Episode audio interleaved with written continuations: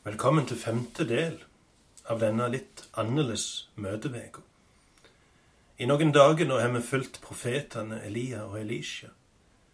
Men hvis du leser de kapitlene i første og andre kongebok der disse profetene er omtalt, da ser du at det bare er noen korte glimt som vi har hatt tid og anledning til å se nærmere på. I dag er siste dagen i møteveka, og jeg ønsket at vi skulle stoppe i kapittel seks og sju i andre kongebok der vi leser om beleiringa av Samaria. Denne beleiringa har sammenheng med at det på ny er krig. Det er syrakongen Ben-Hadad som ikke kan holde fred. I går så vi at han sendte herjeflokker inn i Israel for å ta kongen der. Og nå går han til en fullskala krig og beleirer Israel sin hovedstad, Samaria. Forresten, det jeg her kaller Israel, er det som utgjorde den nordlige delen av riket etter at landet hadde blitt delt. Denne delen ble kalt Israel fordi det utgjorde størstedelen av landet. Samaria var bygd på et fjell, sånn som tilfellet mange ganger var med viktige byer på den tida. Det kan gjerne høres litt upraktisk ut, for det førte til konstant tunge oppstigninger når folk og varer skulle inn i byen. Men dette var en pris som folk var villige til å betale for økt sikkerhet. En by som lå på et fjell, var mye lettere å forsvare, og Samaria var en sterk festningsby. I tillegg til plasseringa på et fjell hadde alle viktige byer en bymur, gjerne seks til ti meter høy og flere meter brei. Oppå denne muren kunne forsvarerne stå beskytta av et brystvern en ytre murkant som de kunne dekke seg bak og skyte på fienden som nærmde seg. Dette gjorde at byer var regelrette festninger og veldig vanskelige å innta. Det er ganske interessant at krigføringen mot sånne festninger har gitt opphav til flere ord og uttrykk som vi bruker med billedlig betydning i språket vårt, kanskje uten at vi veit hvor de egentlig kommer ifra. En teknikk for å innta en by eller ei borg kunne være undergraving eller underminering av den viktige bymuren. Dette handler om at angriperne grov en tunnel inn under bymuren, støtta denne gangen opp med trestokker, og så, da de hadde gravd et hulrom under sjølve bymuren, sette de fyr på trestokkene som holdt tak i tunnelen oppe. Dermed raste tunnelen i hop, og det igjen førte til et stort sår i bymuren. Et sånt sår ble kalla en bresje og der kunne angriperne strømme inn. Når dette skjedde, krevdes det modige forsvarere, som med fare for sitt eget liv stilte seg i denne bresjen og prøvde å stoppe fienden. Kan jeg få lov å stoppe her lite grann, før vi ser nærmere på historien om Samaria? De siste ukene har vi hatt en veldig spesiell situasjon i Norge. Situasjonen har ført til en unntakstilstand som på flere måter griper mer radikalt inn i samfunnet vårt enn det en krig ville ha gjort. Den krisa som Norge og verden nå opplever, fører til mye lidelse. Men det er òg ei krise der vi får nye helter. Når viruset truer, ser vi helsepersonell og andre som stiller seg i bresjen. Altså utsetter seg sjøl for fare i tjeneste for land og folk. Vi ser folk som omtrent stiller seg i kø for å få en anledning til å hjelpe totalt fremmede. Vi ser ledere våre som jobber natt og dag for å lede landet på best mulig måte i et farlig og ukjent farvann. Denne krisa er djupt tragisk. Men hun har funnet fram mye godt iblant folket vårt. Og det var rørende å følge Dagsrevyen på NRK i går og se og høre Kringkastingsorkesteret og Ingrid Olava sin ekte hyllest til vanlige folk.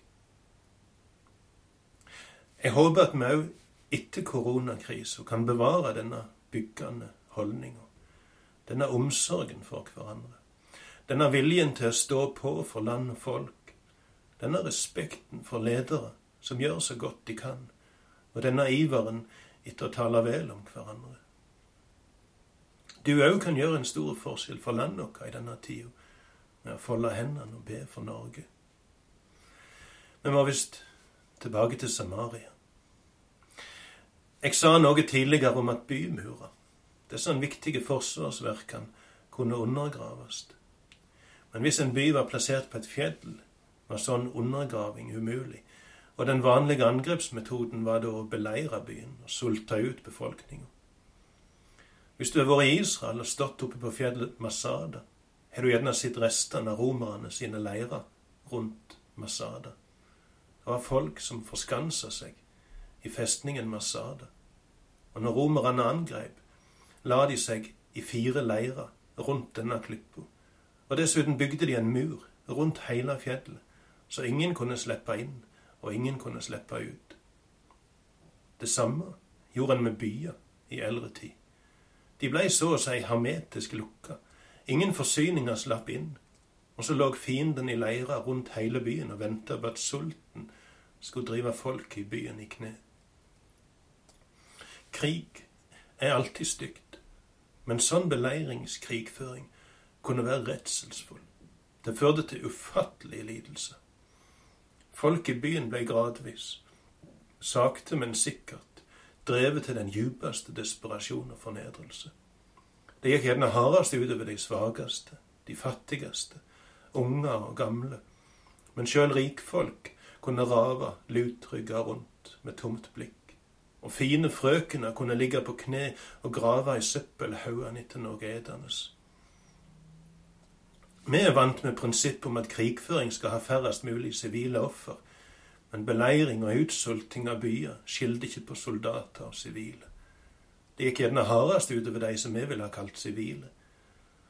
Sult og sjøloppholdelsesdrift kunne ta ifra folk all medmenneskelighet, så en var villig til å trø på andre og ta seg til rettes som best en kunne og makta.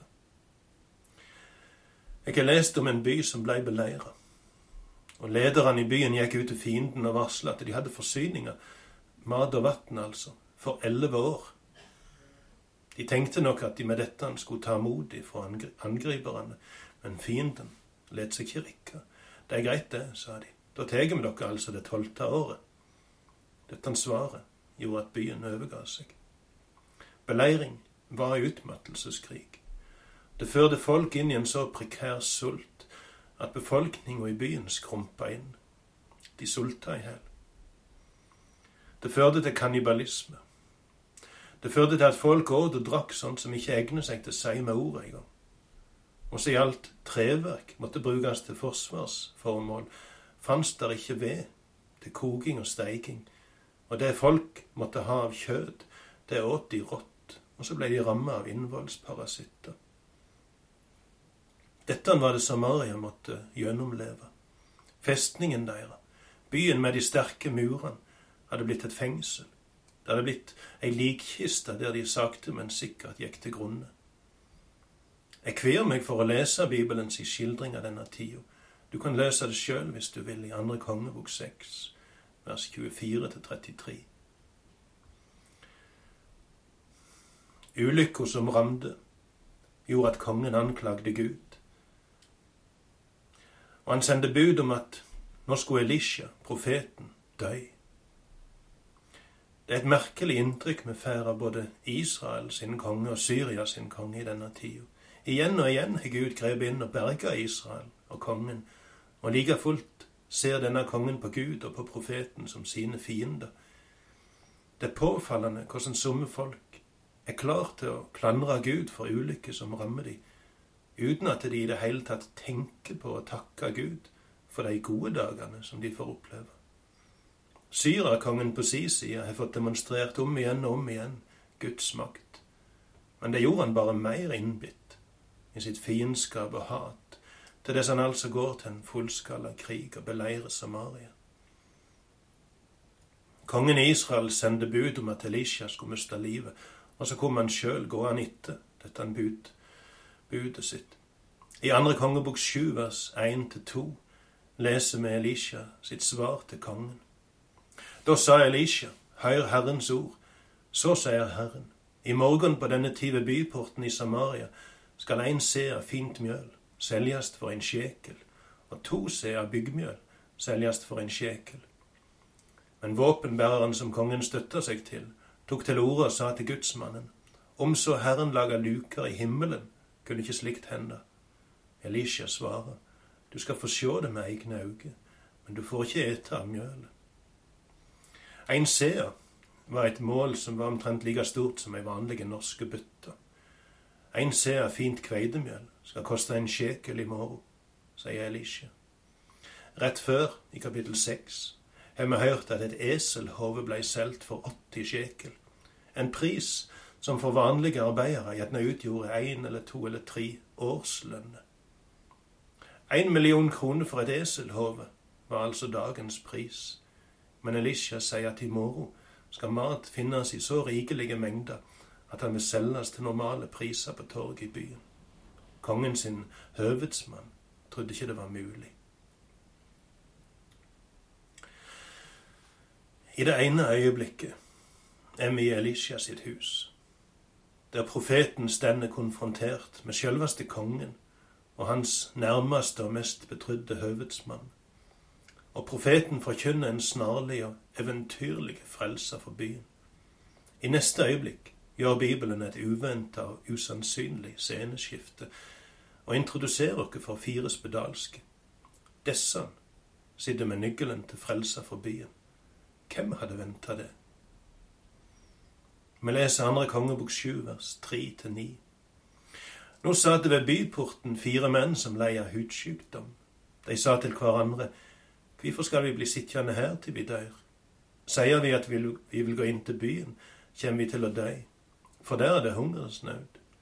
Blir vi sittende her, kommer vi òg til å dø. Kom, nå går vi over til leiren til arameeren. Let de oss leve, berger vi livet, og drep de oss, må vi dø. I skumringa brøt de opp og gikk til arameerleiren. Men da de kom til utkanten av leiren, fantes det ikke et menneske der. Herren hadde latt arameerne få høre larmen av vogner og hester, larmen av en stor hær. Da sa de til hverandre, du skal sjå at Israels konge har leid hetittkongene og egypterkongene for å overfalle oss. Så brøt de opp og flykta i skumringa. De let etter seg telta, hestene og eslene sine, hele leiren slik han lå, og flykta for å berge livet. Da disse mennene med hudsykdom kom til utkanten av leiren, gikk de inn i et telt, der de åt og drakk. De tok med seg sølv, gull og klede, og gikk bort og gjemte det. Så kom de att og gikk inn i et annet telt. De tok med seg det som var der òg, og gikk bort og gjemte det. Men så sa de til hverandre, det er ikke rett, det vi nå gjør. Dette er dagen for gode nyhender. Teier vi og venter til det lysner i morgen, fører vi skyld over oss. Kom, la oss gå og fortelle dette i kongeborget. Disse fire spedalske var utstøtte fra fellesskapet. De levde utenfor byen og var avhengige av almisse fra slekt og venner og ifra andre som hadde hjertelag. Vi kan gjerne forstå at når sulten herja i byen, var det lite eller ingenting folk hadde å avsjå til de spedalske. Nøden dreiv de til et resonnement som vi gjør vel i å merke oss. De innså at å bli sittende og vente på almisse fra en utsulta by var nyttesløst. Å gå inn i byen var like nyttesløst.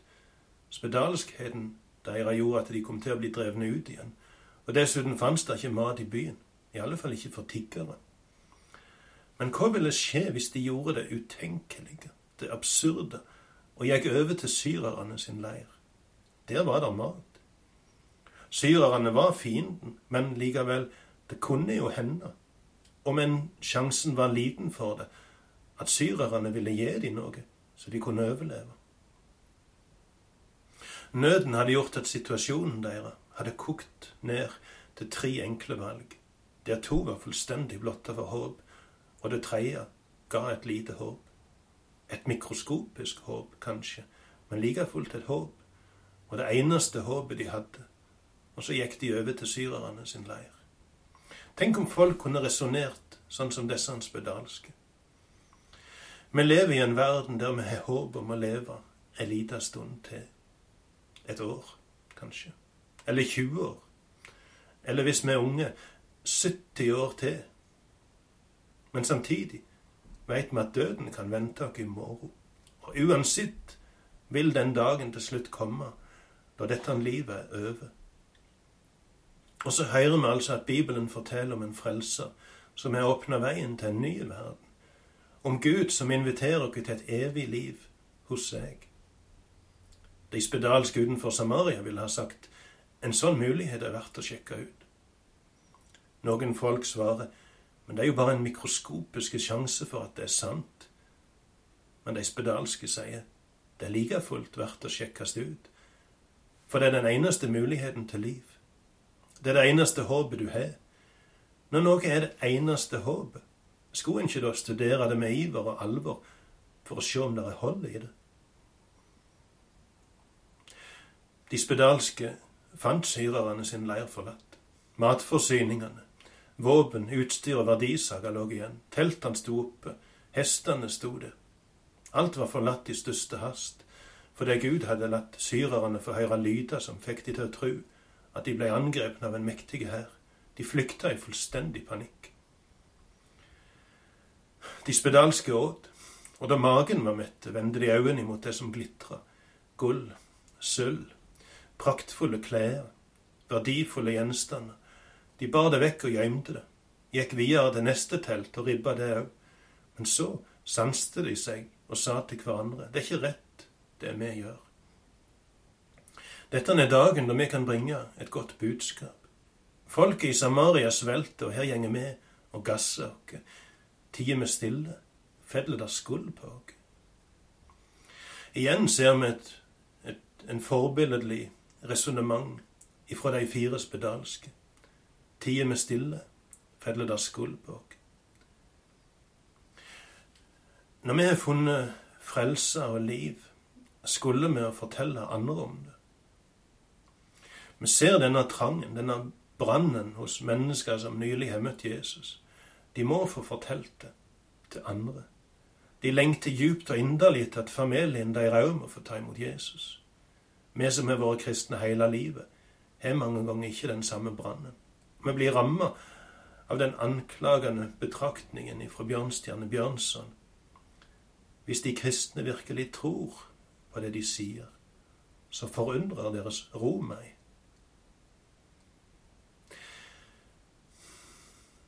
I dialekten min har vi et uttrykk som jeg tror må være veldig gammelt. Vi snakker om skyldfolk, og vi snakker om at folk er skylde. Det betyr at de er i slekt med hverandre. Uttrykket sier egentlig at slektninger er folk som du skylder å ta deg av og hjelpe.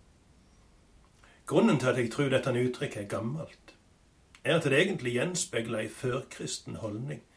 I norrøn, hedenske tid i Norge der strekte folk sin omsorg og medfølelse seg så langt som slekt tok.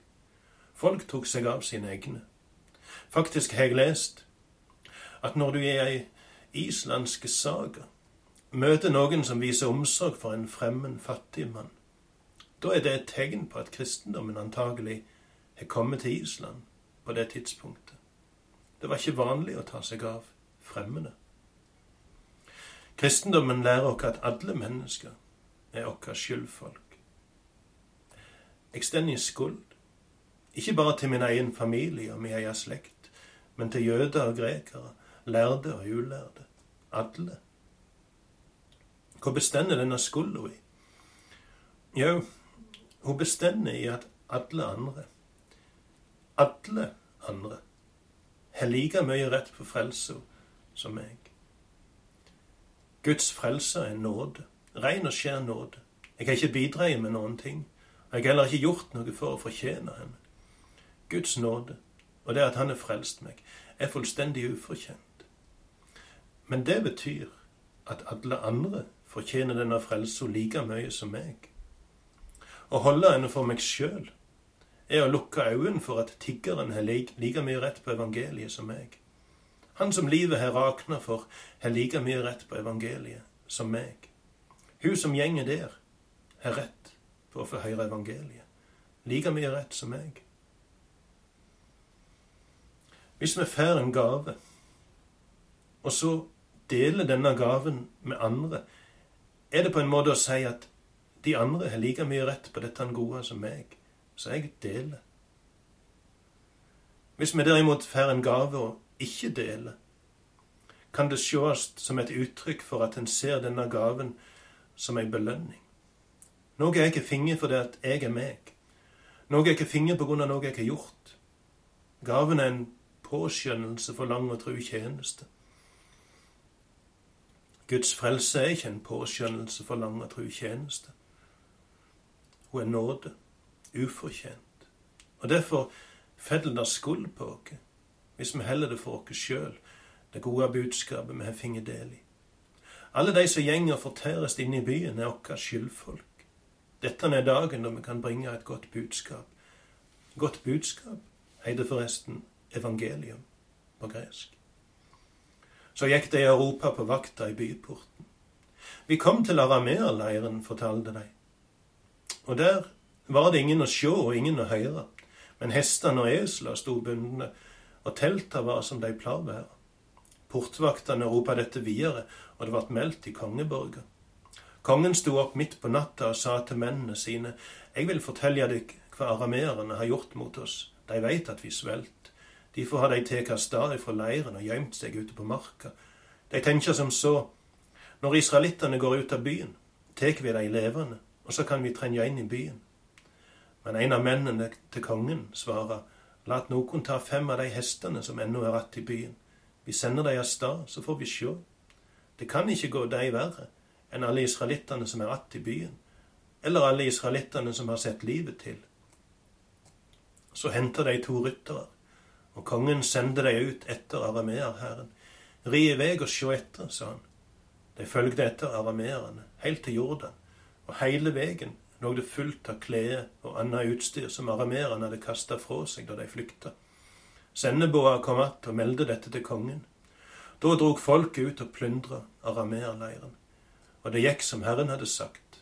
Én seer fint mjøl vart solgt for en sjekel, og to seer byggemjøl for en sjekel. Kongen hadde sett våpenbæreren, som var hans beste støtte, til å ha oppsyn med byporten, men folket trakk han i hæl i porten. Det gikk som gudsmannen hadde sagt den gangen kongen kom til ham. Da sa han til kongen, i morgen på denne tid ved byporten i Samaria skal to seer byggemjøl selges for en sjekel, og en seer fint mjøl selges for en sjekel. Da tok kongens våpenbærer til orde og sa til gudsmannen, om så Herren laga luker i himmelen, kunne ikke slikt hende. Men gudsmannen svarer, du skal få sjå det med egne øyne, men du får ikke ete av mjølet. Og slik gikk det altså med han. Folkemengder trampa han i hæl i byporten.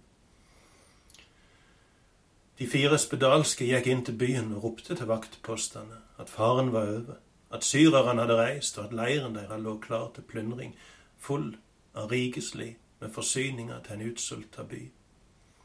Men kongen trodde det ikke. At Gud skulle sende dom over Samaria, det kunne han tro. Men at Gud skulle frelse byen, trodde han ikke. Er det ikke mange ganger sånn med oss mennesker? Vi er så mye lettere for å tro dårlige nyheter enn gode. Det er lettere å tro at Gud vil dømme oss, enn at han vil frelse oss.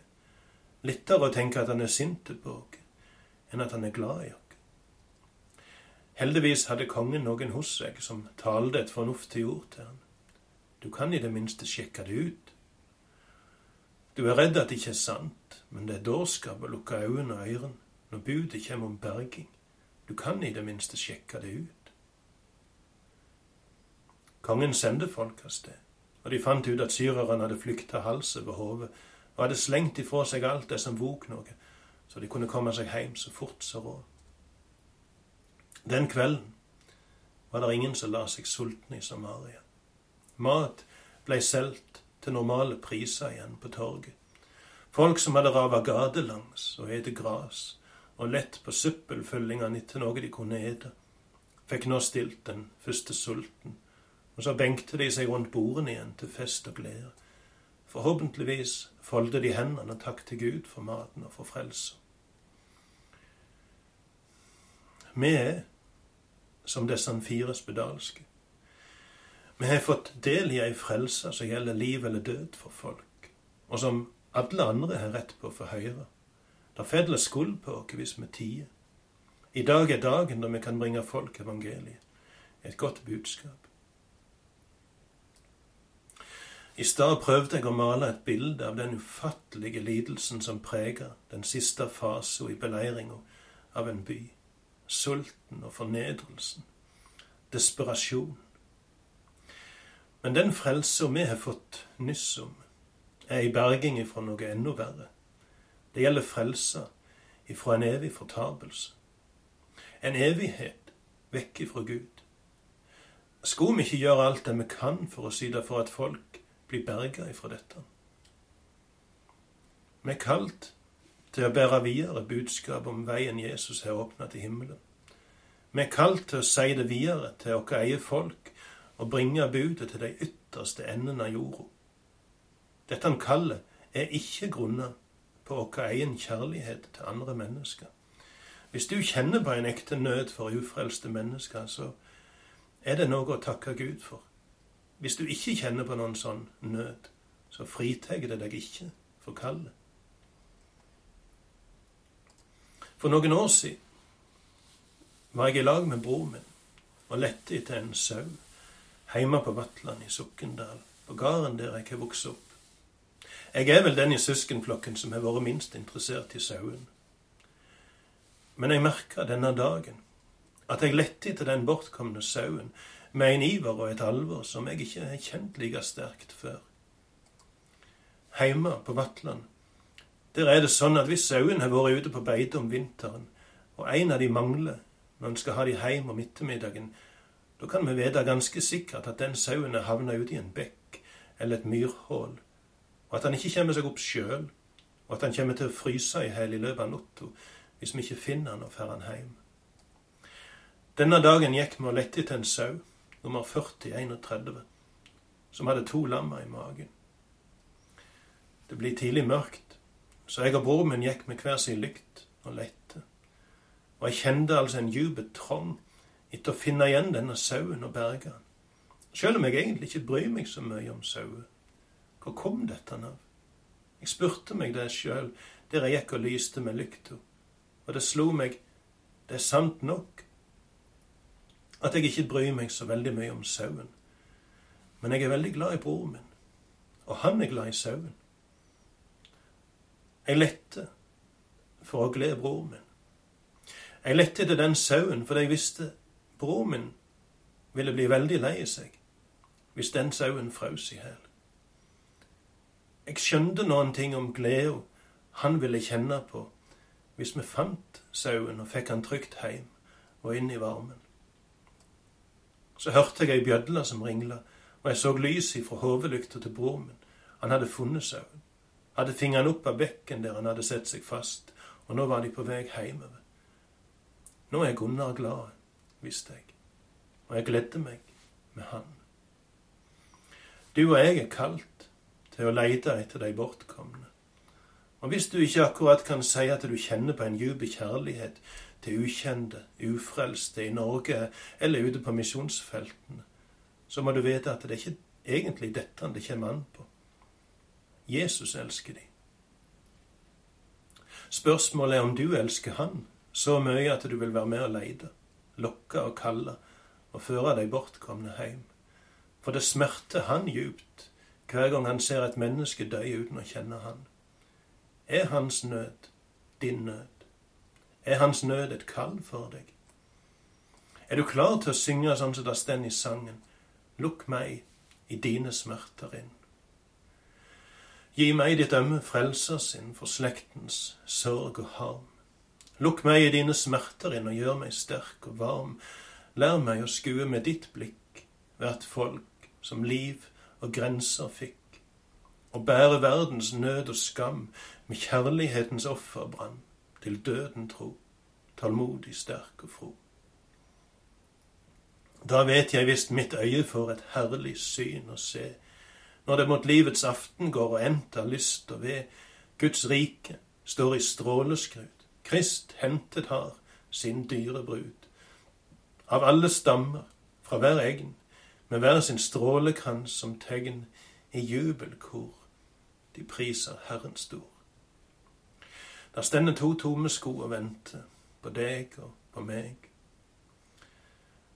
Vi skal slippe å tenke på om de skoene kanskje er for store for oss, Gud brukte fire spedalske til å bringe gledesbudet til Samaria. Da kan han helt sikkert bruke deg òg. For det budskapet, og ikke budbæreren, det kommer an på. Frelst jeg er gjennom lammets blod. Gud til ære alene. Stadig renset i nådens flod. Frelst jeg er for å tjene. Titt, det ringeste sendebud, beste budskap fikk bære. Jeg er frelst for å si fra Gud, du hans barn skal få være.